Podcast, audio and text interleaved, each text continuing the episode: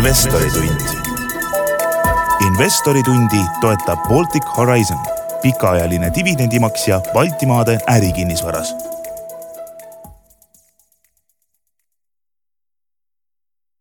hea Geeniuse podcastide kuulaja, eetris on järjekordne investori tund ning tänase saate teema on Eften Capitali uus fond, mis on loetud nädalate pärast börsile jõudmas ning äh, käime üle selle fondiga seotud äh, prospekti ning äh, palume olulisemaid kohti sellest kommenteerida Eften Capitali jaeärisuuna juhil Kristjan Tamlal. tere, Kristjan. tere, tere ja saadet juhib Keeniuse investeerimisportaali vastutav toimetaja Indrek Mäe. aga Kristjan, alustame sellest, et Eften United Property Fund on tegelikult olnud märgitav juba eelmise aasta suvest, et äh, lihtsalt osakud pole olnud noteeritud, et rääkige palun, et kuidas teil ja teie investoritel äh, selle ajaga läinud on? kui me fondiga, äh, fondi avasime investeeringuteks eelmise aastal päev enne jaanipäeva, siis me seadsime fondile mm, kaks suuremat eesmärki. Esimene eesmärk oli see, et, et me ütlesime, et me tahame luua Baltikumis selles suhtes nagu ainsat kinnisvarafondi, mis oleks läbilõige kogu Baltikumi kinnisvarasektorist. et seal oleks esindatud siis äh, nii ärikondlik äh, rendivoogu tootev kinnisvara, kinnisvaraarendus, aga ka üürikorterid. et teist sellist äh, fondi Baltikumis ei ole ja, ja see oli meie eesmärk. ja, ja eesmärk number kaks, mis me välja ütlesime, oli siis see, et et me tahtsime mm, eh, hiljemalt selle aasta mais eh, fondi osakut börsil noteerida. ja, ja noh, täpselt, täpselt siin me oleme, et kui nüüd vaadata, kuidas meil läinud on eh, selle peaaegu kümne kuuga, siis portfelli osas oleme me väga-väga rahul täna. Portfell on täna hajutatud kahekümne seitsme erineva kinnisvara objekti vahel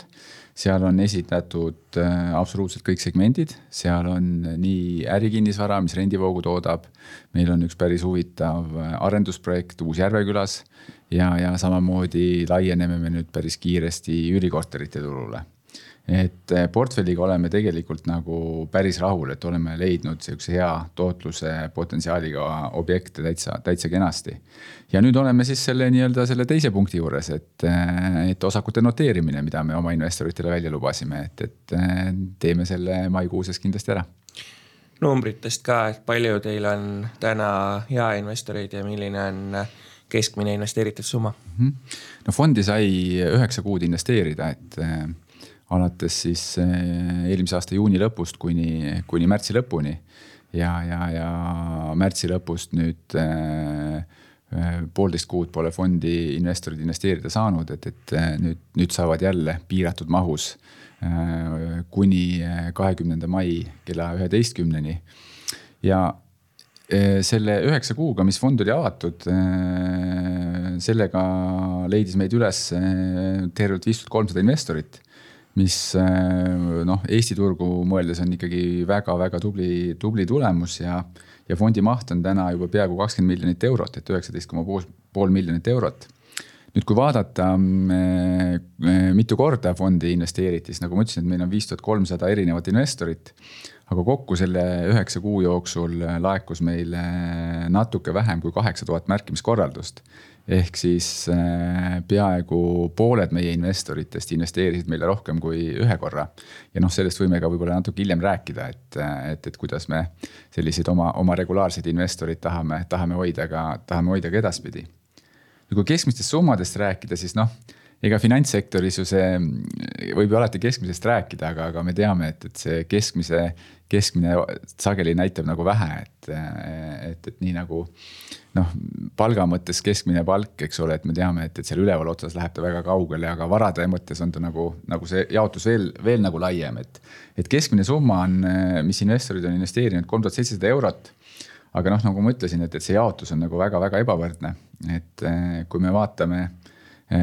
top kaks protsenti investoritest, siis nemad omavad täna peaaegu viiskümmend protsenti fondivaradest.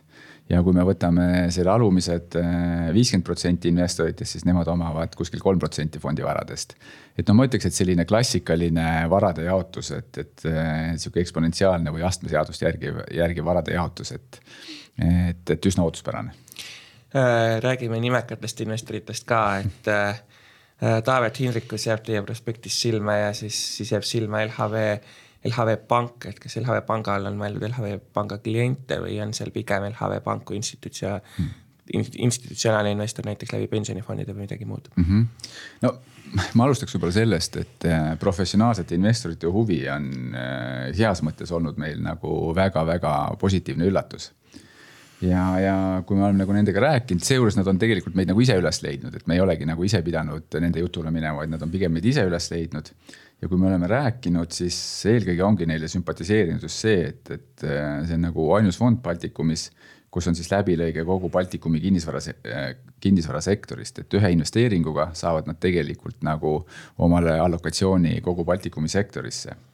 nüüd, äh, kui me räägime konkreetsetest äh, suurematest investoritest, siis ja vastavalt äh, nii-öelda prospekti nõuetele tuleb välja tuua siis kõik need investorid, kes omavad rohkem kui viite protsenti ja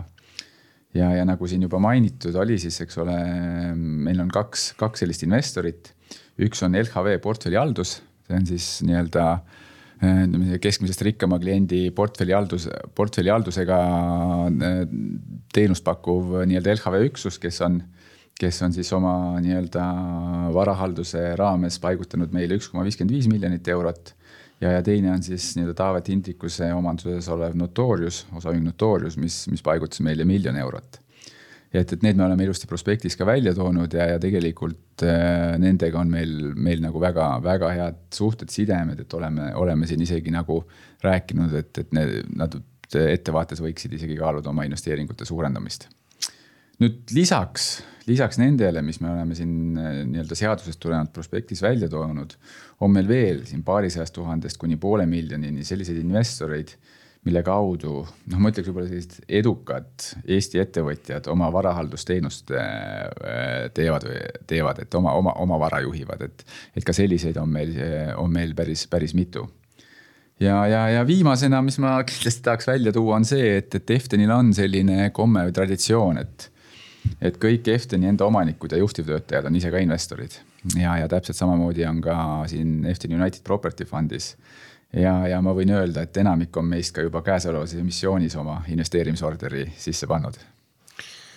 Nendele, kes äh, osakut kohe alguses märkisid, nemad said seda märkida siis äh, kümne euroga pluss siis äh, teenustasu. et äh, olete pakkunud vähem kui aastaga, et nagu mainisite, üheksa kuud, siis veidi üle kuue protsendi tootlust, et et tootlusest rääkides, kas tulevikus võivad märkijad äh, veelgi rohkem oodata või ongi tänast kinnisvaraturgu arvestades see kuus pigem tavapärane ja hea? ja vot finantssektoris on eh, kahjuks või õnneks sihuke reegel, et, et eh, tootlust lubada kindlasti ei tohi, et, et kui ma hakkaksin eh, midagi lubama, siis tõenäoliselt peale saadet või, või peale seda, kui saade eetrisse läheb, saaksin ma kohe telefonikõne meie, meie järelevalvajalt aga, aga kui me mõtleme sellele, et, et üheksa kuud tootlust, üheksa kuuga toot-, kuus koma üks protsenti tootlust, siis aasta baasil teeb see üle kaheksa protsendi. ja, ja noh, mis, mis nagu sihukese olulise aspektina, mis ma välja tooks, on see, et eh, me hindame oma fondivarasid ümber kaks korda aastas eh, juuni lõpu seisuga ja detsembri lõpu seisuga ja, ja tegelikult siis selle Efton United Property fondi ajaloos oleme me tegelikult läbinud ainult selle nagu ühe tsükli, et, et selle detsembri lõpu detsembri lõpu ümberhindluse tsükli, et, et selleks, et nagu anda fondi ühe aasta tootlusele hinnangut, peaksime me ära ootama ka äh, juuni lõpu ümber, ümberhindluse. nüüd, mis puudutab nagu ettevaadet, äh, siis äh, täna on üheksakümmend protsenti fondist investeeritud ja, ja noh, nii-öelda meie ootus, kui me need investeeringud oleme teinud meie arvutuste põhjal on nagu praktiliselt kõikide investeeringute tootlusootus seal üheteist kuni kolmeteist protsendi juures. ja, ja nagu ma ütlesin siin ennem, et meil on ka üks kinnisvara arendusprojekt Uus-Järvekülas, et, et noh, selle tootlusootus on meil, on meil lausa nagu viieteist protsendi juures, et noh, et ei ole mõtet arendusriski võtta, kui sa, kui sa ootad sealt samasugust või madalamat tootlust kui juba valmis, valmis rahavooga kinnisvaral ja, ja teine võib-olla sihuke oluline asi, mis ma ettevõt-, ettevaatest ootusest mainiksin, on see, et, et ma arvan, et nagu väga oluliseks saab see aspekt, et, et kuidas kiirenenud inflatsiooni õnnestub rendihindadesse edasi kanda. ja seeläbi siis ka nii-öelda kõrgemat tootlust investoritele teenida. ja meie hakkasime seda teemat väga tugevalt adresseerima juba siin eelmise aasta sügisel kus me, kui me nii-öelda erinevaid objekte, mis meile müügiks pakuti, me üks sihukene olulisemaid asju, mis me seal vaatasime, oli see, et, et millised on seal rentnike rendilepingud, kuidas nad on inflatsiooniga indekseeritud. kas seal on mingid piirid peal või, või, või, või, või mitte. ja võib-olla ma tooksingi siin eh, selle meie ühe hiljutisema investeeringu, mis me veebruaris tegime see on Vilniuses büroohoone Menuurio tänaval, see on täna fondi suuruselt teine-kolmas investeering ja seal on kõik rendilepingud indekseeritud täna Leedu tarbija, tarbijahinnaindeksiga. et kui siin Eestis äh, oli äh, aprillis äh, tarbijahinnaindeksi kasv võrreldes eelmise aastaga kaheksateist koma kaheksa protsenti, noh siis võib öelda, et Leedus läks palju paremini, et seal oli kõigest kuusteist koma kaheksa. naljaga pooleks, aga, aga, aga, aga need on need kohad, kus, kus me tegelikult loodame ja arvame, et, et me suudame klientidele selgelt nagu nii-öelda äh, täiendavat tootlust pakkuda just, just selle kaudu, et, et see kiirenenud inflatsioon kandub edasi ka kõrgematesse, kõrgematesse rendituludesse ja selle võrra siis saame investoritele ka tulevikus äh, väljamakseid teha. aga kui altis täna on see keskmine rentnik, kui see leping ei ole seotud tarbija hinnaindeksiga, et kui altis ta on üldse seda lepingut nii-öelda enda kahjuks siis muutma või kui keeruline töö või, või protsess see on no, no tavaliselt on niiviisi, et, et äh, rendilepingutel on omad, omad pikkused, eks ole, et, et üldjuhul kolm kuni, kolm kuni viis aastat, et, et lühemaid, lühemaid tehakse väga harva. ja, ja tavaliselt on siis nendes rendilepingutes klausel, et, et see rendihind vaadatakse iga, iga aasta üle ja, ja tavaliselt on sinna siis kirjutatud ka sisse mehhanism, et kuidas ta üle vaadatakse, et, et mitte, et lihtsalt kaks, kaks nii-öelda osapoolt ei saa kokku, ei vaata lakke ja, ja, ja, ja, ja ei mõtle välja numbrit. vaid tavaliselt ongi sinna siis kirjutatud, et näiteks iga aasta tõstame seda mingi protsendi võrra ja, ja päris sageli on, on, on seal näiteks selline klausel, et, et tarbijahinnaindeks, aga mitte rohkem kui mingisugune X protsenti, näiteks mitte rohkem kui neli või, või, või kolm või viis protsenti et, et kuna meile nagu eelmise aasta lõpus tundus, et äh, inflatsioonimäär võib lähiajal äh, selgelt sellest nagu kõrgemale minna. ja mis võib-olla isegi veel olulisem, et, et, et mitte see, et ta nagu lähiajal läheb kõrgemaks, aga et ta võib ka nagu jääda oluliselt kõrgemaks siin sellest, sellest tasemest, millega me viimased kümme aastat võib-olla harjunud oleme. siis üha rohkem me hakkasime nagu vaatama selliseid, äh, selliseid objekte, kus, kus nii-öelda sellel indekseerimisel seda, seda piiri nagu peal ei ole tootlusest veel, et ähm, praeguse seisuga, mis mainitud kuus ja aasta baasil, nagu te ütlesite, kaheksa, et et kas sellest tootlusest, vaatan teil prospektis on ka valitsemistasu üks koma viis protsenti, et see, see lahutatakse sealt maha või on see juba maha lahutatud? ja, et meie fondil on tegelikult hästi lihtne tasude struktuur. fondil on ainult üks tasu, see on see valitsemistasu poolteist protsenti aastas. fondil ei ole edukustasu ja ei ole ka, ei ole ka osakute märkimise tasu ja, ja, ja kui investorid hiljem börsi kaudu tahavad müüa, siis ka selle pealt meie mingit tasu ei võta. ja see üks koma viis protsenti valitsemistasu aastas, et, et seda me võtame ka siis ainult sellistelt investeeringutelt, mis me teeme otse kinnisvarasse. et, et kui me investeerime Efton United Property fondi kaudu läbi teiste Eftoni fondide sealt me val, eh, valitsemistasu ei võta ja kui raha on nii-öelda veel investeerimata kontol, siis me ka sealt valitsemistasu ei võta. ja nüüd, mis puudutab nagu tootlust, siis teie sellest kuuest koma ühest protsendist, mis me üheksa kuuga oleme saavutanud, et, et sealt on tegelikult see valitsemistasu juba maha võetud. et, et see, mida investor oma pangakontol või panga väljavõttes eh, väärtpaberikontol näeb, et, et kui suur see tootlus on, siis täpselt nii suur ta ka on, et, et sealt me enam ise mitte midagi maha ei võta Äh, räägime natuke ka teie raha kaasamise protsessist, et, äh, et kui, äh, kui seda teekonda vaadata, siis palju erinevaid etappe suvest kuni märtsi lõpuni, siis, siis praegune raha kaasamine ja siis pärast veel neli vaheperioodi, et miks te selle protsessi nii keeruliseks ja pikaks olete venitanud? No vasta nii keeruline ikkagi ei ole, et, et kui me fondi eelmise aasta suvel tegime, siis siis noh, tegelikult oli ju, oleks olnud teoreetiliselt ka selline võimalus, et eh, kohe päevast üks oleksime me fondi börsil ära noteerinud. aga, aga sellisel juhul oleks see tähendanud ju seda, et äh, alguses oleks noteeritud ainult nii-öelda fondi pangakontol seisev raha. ja, ja tõenäoliselt oleks see olnud natukene keeruliselt mõistetav, et, et milleks, milleks selline asi äh, börsile, börsile viia, et, et pangakontol võib ju niisama ka raha hoida, et ei pea seda börsil hoidma. Äh, teine asi, miks me fondi kohe börsile noteerinud, oli see, et et kinnisvarasse investeerimine peab olema natuke pikemaajalisem protsess, kui, kui, kui lihtsalt siin mingisugune paar päeva või, või paar kuud, et see võiks ikkagi olla sihuke paariaastane ettevaade. Ja, ja sellega, sellega me tegelikult, et me börsil noteerime nüüd eh, kümme kuud peale fondi algust, me tahtsime anda ka nagu selge sõnumi, et, et see ei ole nagu see koht, kuhu peaksid investeerima sellised, sellised investorid, kes ootavad siin mõne päeva või isegi mõne tunniga eh, osaku hinna paarikümne protsendilist muutumist, et, et, et nendele, nendele jäägu nagu teised instrumendid, et, et kinnisvara on ikkagi selline pikaajaline, pikaajaline investeerimisvõimalus ja kus põhitootlus peaks tulema läbi rahavoo ja, ja dividendide. Kui me räägime konkreetsest sellest mai emissioonist, mis lõpeb meil kahekümnendal mail kell üksteist null null. siis me kaasame kuni viis miljonit eurot ja ega see jääbki nüüd lähiajal viimaseks selliseks raha kaasamiseks, mis, mis selgelt ka nagu fondile mingit mõju, mõju avaldab ja miks viis miljonit eurot, et, et see on see raha, mille me näeme, et me suudame aasta lõpuks edukalt ära investeerida, et. Et ei taha kaasata, kaasata rohkem äh, ja lihtsalt jätta seda nagu konto peale seisma aga miks siis ikkagi need äh, hilisemad äh, vaheperioodid veel, et neli korda kümme tuhat osakut ehk siis mhm. sihuke poole miljoni kandis nelja, nelja vaheperioodi peale kokku, et, et kui te saate juba, juba selle viis miljonit kokku ja ütlete, et selle te suudate ära investeerida, et mis nende vaheperioodide mõte üldse hiljem on? ja no nagu ma rääkisin, siis meil on, eks ole, viis tuhat kolmsada investorit täna, aga, aga peaaegu kaheksa tuhat korda on investeeritud. et meil on tegelikult päris palju selliseid väikeseid investoreid, kes regulaarselt iga kuu paarikümne euro kaupa on, on fondi investeerinud ja, ja need äh, hästi väikesed emissioonid, noh fondi mahu mõttes alla poole protsendi kuus, et, et fondi mahule nad sisuliselt nagu mingit, mingit mõju ei avalda. ongi mõeldud eelkõige just sellistele väike, väikeinvestoritele, kes saaksid, kes on meiega praktiliselt iga kuu nagu kaasas käinud, meil iga kuu paarkümmend eurot investeerinud. et nad saaksid siis seda jätkata, seda jätkata ka nagu edaspidi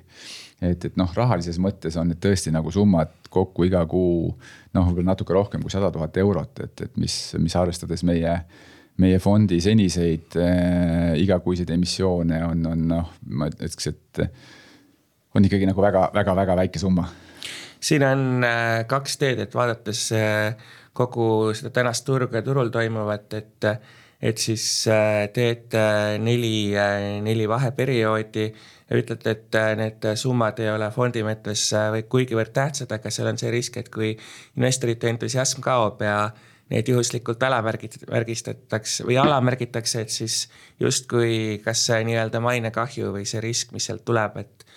et, et esiteks, et kas see on seda, seda väärt ja teiseks, kui, kui ikkagi Efteni, Eften United Property Fund näitab ennast tugeva ettevõttena turgude kiuste, siis, siis märgitakse ta ikkagi võib-olla teiste poolt täis ja need väikesed ikka ei saa midagi. no eh, mis meil on, on, on see, et me oleme ka tegelikult selle prospektis välja toonud, et seal, kus on ehm, jutt eh, emissiooni jaotamisest et me oleme seal kenasti välja toonud, et ülemärkimise korral eelistame kindlasti olemasolevaid investoreid.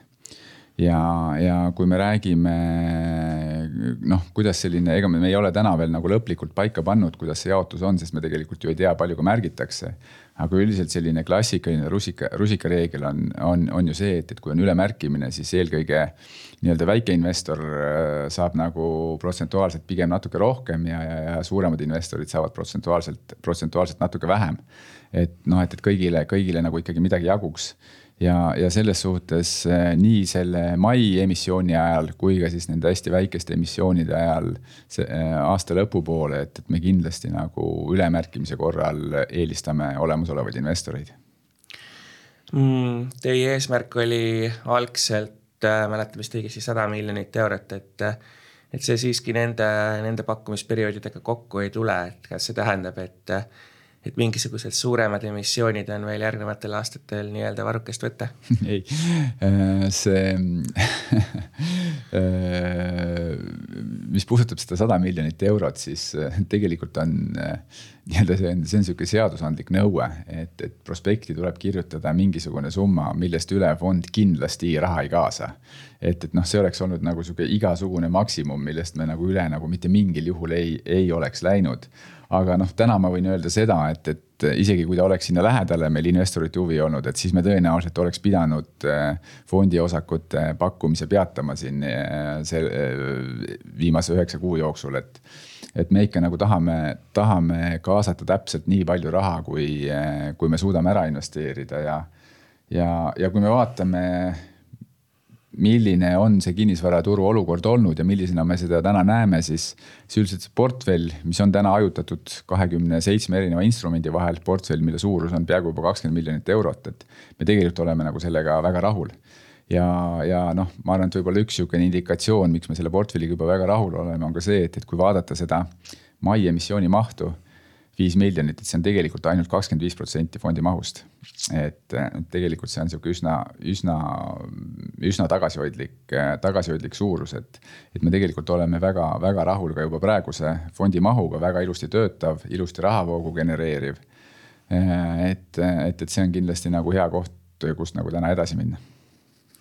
nii et veel sellest märkimise protsessist rääkides, nii et seda ohtu te ei karda, et investor mõtleb, et äh, oletame, et see viis miljonit märgitakse nüüd, äh, nüüd üle, äh, nõudlus peaks olema ka turul nii-öelda sellest lähtuvalt teie osaku järgi väga suur, aga et seda ohtu ei teki, et investor mõtleb, et eriti see jaeinvestor, et kes võib-olla vähem märgib, et ah, et turult polegi mõtet kallimalt juurde osta, et ootan ära need täiendavad märkimisperioodid ja ja saan naviga ja kõik on minu jaoks väga hästi ja seega siis turuhind võib-olla tõuseb vähem, kui ta võiks tõusta. no mis, mis puudutab turuhinda, siis seda, eks ole, on minul nagu väga raske kommenteerida, et, et, et ettevõtte toetajal äh, börsihind on raske kommenteerida, aga, aga ma võin nagu paari aspekti siin avada, et äh, punkt üks on see, et et neid emissioone äh, fondil oleme me teinud ainult Eestis ja jätkame ka edaspidi, vähemalt lähiajal ainult Eestis. samas, kui nüüd fond kauplema hakkab, siis äh, ta hakkab kauplema, eks ole, Nasdaq Balti fondi nimekirjas. ja selle kaudu saavad fondi börsi pealt osta ka Läti-Leedu investorid, kes, kellel nii-öelda emissioonist on siiani puudunud igasugune võimalus osta, et, et noh, potentsiaalselt nii-öelda ostuhuvi läbi börsi täiendavalt me, me, me loodame, et, et tuleb ka nagu nii-öelda teistelt turgudelt väljaspoolt Eestist, et need, kes ei ole, kes ei ole saanud, kes ei ole saanud nagu seda, seda fondi osta rääkisite sellest, kuidas äh, järgnevates vaheperioodides saavad eelise juba olemasolevad investorid, et äh, kuidas praeguse perioodiga on, et et siin, siin juba olemasolevad investorid, et kas nendel on ka nii-öelda mingit preemiat või eelist loota või, või pigem, pigem on siin kõik võrdsed? Ei, kindlasti eelistame olemasolevaid investoreid ja tahame just premeerida neid investoreid, kes meiega alguses, algusest peale selle tänaseks juba kümne kuu jooksul on olnud, et, et olukorras, kus fond ei ole turul olnud kaubeldav, kus teda on võib-olla raske müüa olnud. et just need investorid, kes, kes on nagu võtnud sellise pikaajalisema vaate, et kindlasti tahame neid premeerida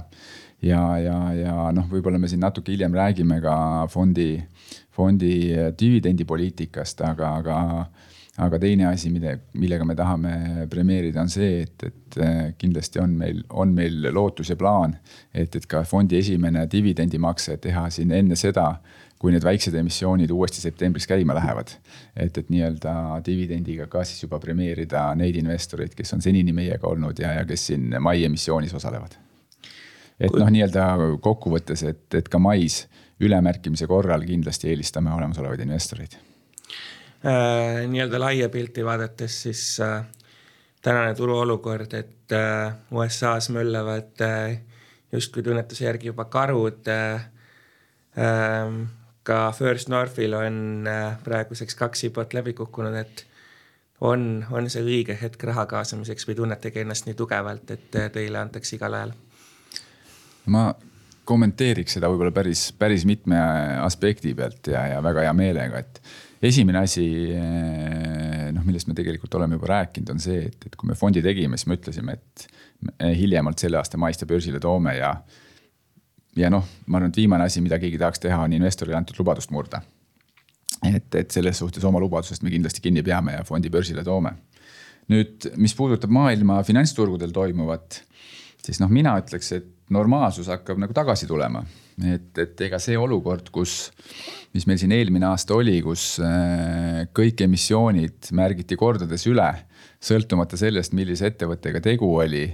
Äh, ega see ei olegi nagu normaalne, et, et reaalsus peabki ikkagi olema see, et, et investor ise valib, millises emissioonis ta osaleb ja, ja millises ei osale, et, et noh, nii nagu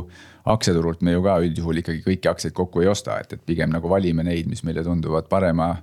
tõusupotentsiaaliga ja, ja väldime neid, mis tunduvad nagu kehvema tõusu, tõusupotentsiaaliga. nüüd, kui me vaatame, mis nagu finantsturgudel toimunud on, siis, siis noh, ma ütleks, et kõige, kõige suurem muudatus on see, et, et üle väga-väga mitme aasta on rahale taas hind tekkinud, et, et intressid on tõusma hakanud vaikselt, kuigi nad on veel jätkuvalt väga madalad, aga ikkagi nad on tõusma hakanud. ja see tähendab, et rahale on hind tekkinud. ja, ja sellises olukorras eh, tegelikult kõik sellised investeeringud, mis pakuvad nagu rahavoogu ja, ja kinnisvara teatavasti, eriti kui seal on, eks ole, üürilepingud, üürikinnisvara, siis kinnisvara seda rahavoogu pakub. Et, et kõik sellised investeeringud tegelikult peaksid, peaksid muutuma nagu noh, pigem nagu populaarsemaks ja, ja vähem huvitavamaks olukorras, kus äh, rahal on hind tekkinud, peaksid muutuma just sellised investeeringud. noh, mille nii-öelda kasumit nähakse siin aastakümne kaugusel või, või, või väga pikas perspektiivis. ja kui me vaatame, mis äh, suurematel aktsiaturgudel toimunud on, siis tegelikult täpselt selline pilt ju tegelikult toimunud ongi, et et kõige rohkem on äh, allapoole müüdud äh, noh, ma ütleks selliseid kas üldse mitte kasumit teenivad ettevõtteid või, või väga väikest kasumit teenivad ettevõtteid, et, et kus see kogu väärtus on siis mingisugusel tuleviku ideel. Ja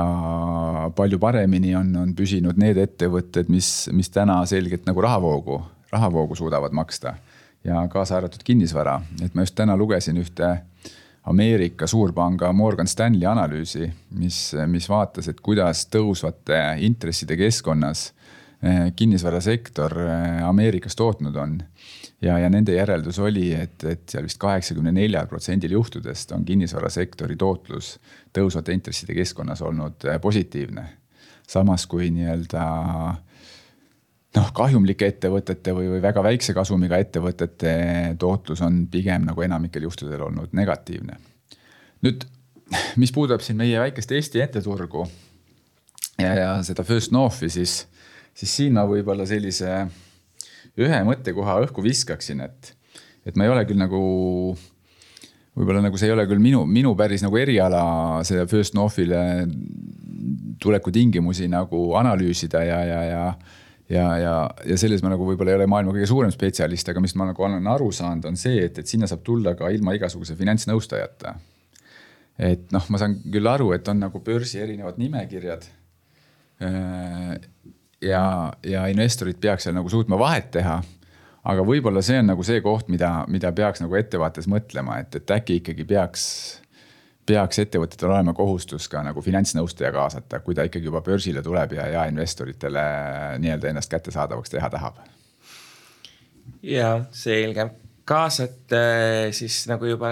läinud äh, nii-öelda vestluses äh, mainisite viis miljonit eurot, samas jätate endale ka võimaluse seda mahtu suurendada, et, et on võimalus, et ka kaheksa miljonit eurot võtate vastu, kui pakutakse, et et kuidas teil äh, tundub, et emissioon märgitakse täis või üle no loodame ikka, loodame ikka parimat, aga, aga nagu ma, ma ütlesin, et, et tegelikult me oleme väga rahul juba selle, selle fondi portfelliga, mis meil on ja selle fondi mahuga. Et, et miks me selle viis miljonit eurot omale nagu eesmärgiks panime, ongi nagu ma ütlesin, et, et see on see, mis me näeme, et me selle aasta lõpuni suudame edukalt ära investeerida et, et, et seetõttu meelega nagu suuremat mahtu ei pannud. kui me võrdleme nüüd seda viie miljonist emissiooni siin Eestis korraldatud emissioonidega, siis noh, ma ütleks, et see on pigem nagu väikeses mahus. et näiteks eelmisel aastal oli keskmine IPO maht kolm korda suurem, isegi rohkem kui kolm korda suurem, kuusteist miljonit eurot ja noh, isegi kui me jätame siin Enefit Greeni kõrvale, mida, eks ole, praktiliselt kõik soovisid märkida, et isegi ilma Enefit Greenita oli nii-öelda keskmine soov, mida investorid soovisid märkida ühe IPO kohta kolmkümmend üks miljonit eurot. et, et seetõttu see viis miljonit, millega me täna, täna turule tuleme, on, on kindlasti pigem nagu väikene. aga loomulikult noh, nagu me siin ka rääkisime, et ega ka keskkond on palju raskem ja palju keerulisem. Et, et ega see olukord, mis eelmine aasta oli, et, et sõltumata ettevõttest märgitakse täis, et, et ega see ei olnudki nagu normaalne mm,. rääkige palun natuke sellest, et äh, kuidas pakkumisest äh, saadavat raha kasutate, et äh, kas täna on üleüldse, mainisite Uus-Järveküla arendust, et, et sisendhinnad äh, kallinevad ja nii edasi, et, et kas täna on, on hea aeg äh, investeerida arendustesse ja või teisalt siis, kas kõik läheb nii-öelda EFTN-i alusfondidesse mm? -hmm. no Äh, meil on äh, plaanis see kaasatav raha tegelikult suures, suures pildis jagada nagu, jagada nagu kaheks. et üks osa läheb üürikorterite arendusse Kaunases ja Riias. ja, ja tegelikult noh, ma võin öelda, et, et me tegelikult oleme täna aktiivselt ringi vaatamas ka Vilniuses, et, et, kas sinna on, sinna on võimalik mingeid üürikorteri projekte leida. ja, ja kokku on meil plaanis kuskil üks koma kolm miljonit eurot Äh, lähiajal täiendavalt äh, fondist üürikorteritesse paigutada. see on meie meelest täna siinsel turul üks kõige huvitavamaid kohti, et, et nõudlus üürikorterite järele kasvab väga kiiresti ja, ja üürihindadel, korteri üürihindadel on väga tugev surve ülespoole. teise osa jätame pigem sügisesse ja, ja meile tundub täna, et et, et üle pika aja on turule tulemas äh, objekte, kus investorid on nii-öelda sundmüüki, sundmüügis või sundmüügi olukorras. Äh, mis seda põhjustab, noh, ühelt poolt ma ütleks, et ehitushindade kiire kasv, kuid samas nagu nii-öelda rendihindade paigalseis, et see tekitab kindlasti olukorra, kus mõni äriplaan äh, ei jookse kokku ja, ja investorid on, on sunnitud ilmselt odavamalt, kui nad tahavad oma, oma projektid käest ära andma ja, ja teiselt poolt, äh, mida me näeme ja meile tegelikult on juba ka pakutud, osta kinnisvara sellistelt investoritelt, kes äh, noh, seoses kas siin siis nii-öelda majandussidemete katkemisega Venemaaga või üldisema nii-öelda majand-, väikse, madalama majanduskasvu tingimustes peavad või tahavad oma nii-öelda põhiäri turgutada selle rahaga. et, et me tegelikult näeme seda, et, et, et sügise poole need trendid pigem nagu saavad tugevamaks ja, ja me tahame tahame olla nii-öelda rivis esimesed, kes siis nii-öelda heade võimaluste korral äh, soodsa hinnaga selliseid projekte on valmis ostma. Äh, LHV Foorumist jäi silma äh, see, et plaanite Eften United Property Fundi ajaloo suurimat investeeringut Efteni loodavasse ärikinnisvarafondi, et saan ma õigesti aru, et Eftenil on siis veel üks fond loomisel, et rääkige palun sellest ka natuke ah jah, no üks äh, Efton United Property fondi eesmärkidest on see, et, et läbi selle fondi anda jaeinvestoritele võimalus investeerida kõigisse nendesse Eftoni fondidesse, mida Efton on läbi ajaloo teinud. ja, ja täna on meil Unitedi portfellis äh, neli sellist fondi Eftoni viiest, et, et noh, kaheksakümmend protsenti oleme me selle lubaduse juba, juba täitnud ja, ja, ja vast, vast jõuame mingi hetk saja protsendini nüüd see konkreetne fond ilmselt, äh, millele siin saatejuht viitab. Äh, siin on tegu Eften äh, Real Estate Fund viiega. lõime selle Eftenis eelmise aasta lõpus ja see on fond, mis keskendub eelkõige suurematele ärikinnisvarahoonetele Baltikumis. ja sinna on Efton United Property Fund täna juba peaaegu kuus miljonit eurot investeerinud ja läbi selle on siis meil Efton United Property Fondi portfellis Danske panga noh, nii-öelda tagatoa operatsioonide hoone Vilniuses ähm,. ärikinnisvarast rääkides, siis äh,, siis tundub, et äh, see on justkui nii-öelda olnud seal taamal, et kogu aeg on räägitud päris palju elukondlikkust, et kas see tähendabki, et ärikinnisvaras on, on täna kuidagi paremad võimalused kui elukondlikkus? Need on nagu sektorid, mis, mis päris nagu ühte, ühte jalga ei käi ja mida mõjutavad ka võib-olla natukene, natukene sellised erinevad, erinevad trendid, et. et kui me vaatame täna nagu nii-öelda seda olukorda rentnike poolt, siis üürikorterite turul on täna kindlasti nagu väga-väga suur nõudlus et, et noh, ma toon siin Tallinna näite, et kus siin paari kuuga on meie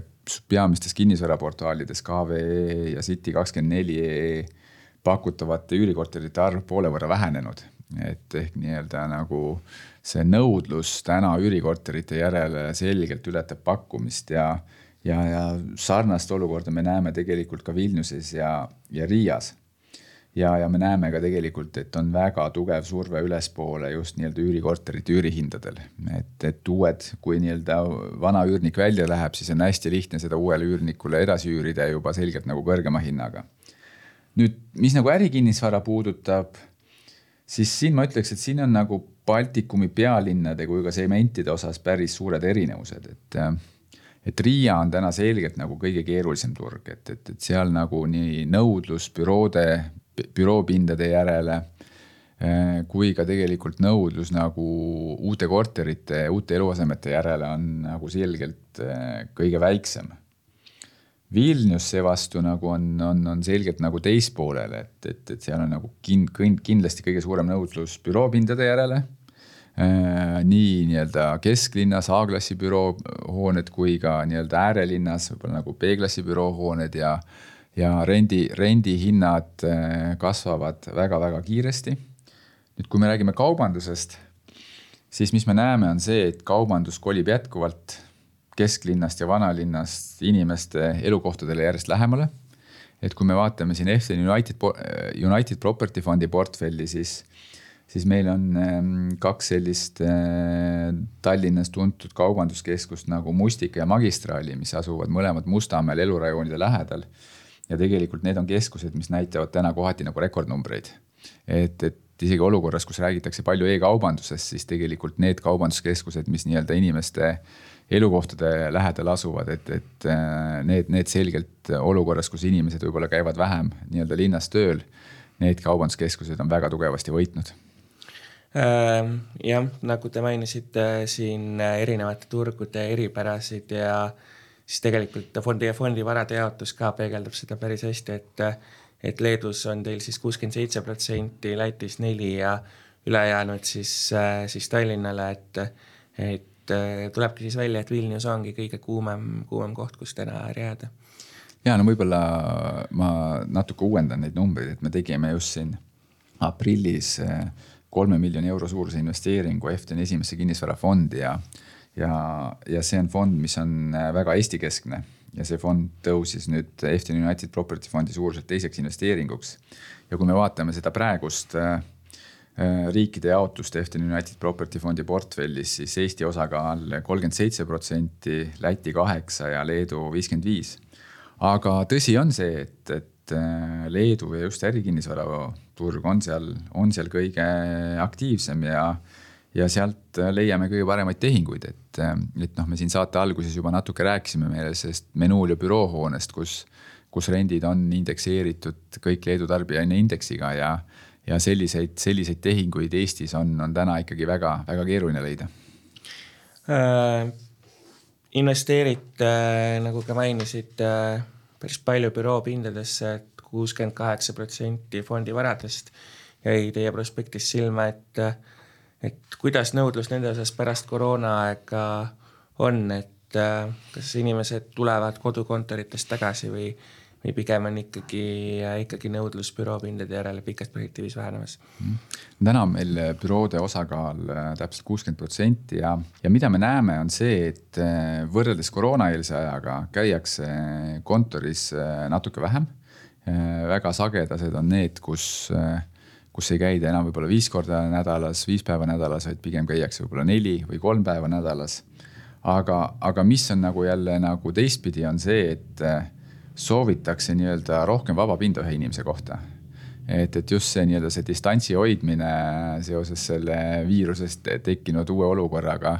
et, et kust nii-öelda inimesed ei tööta enam külg külje kõrval, et, et see suurema distantsi hoidmine on selgelt nagu kasvatanud nõudlust just selle järele, et, et, et kui palju ühte, ühe töötaja kohta büroopinda, büroopinda nagu tahetakse ja noh, suures pildis meile nagu tundub, et, et inimesed on noh, meie hinnangul sihuke seitsekümne, kaheksakümne protsendi ulatuses Baltikumis nagu büroodes tagasi lihtsalt tulevikus võib-olla natukene siis muutuvad need büroode kontseptsioonid, et, et natuke rohkem õhku ühe, ühe inimese kohta, mitte, mitte nii palju seljad vastamisi või küljed vastamisi. ja, ja, ja rohkem nagu nii-öelda hajutatult hakkavad siis inimesed nagu büroodes käima, aga aga mida me tegelikult terve selle mm, viirusekriisi ja, ja, ja, ja mida me ka tegelikult täna näeme, on see, et ega üldiselt meie büroodes sisuliselt nagu büroopindade lepinguid ei lõpetatud. et, et omanikud ikkagi nagu jätkasid Eh, büroopindade hoidmist. ja nüüd, kus enamik töötajaid on büroodes tagasi, siis väga hea meelega uuesti pikendatakse. ja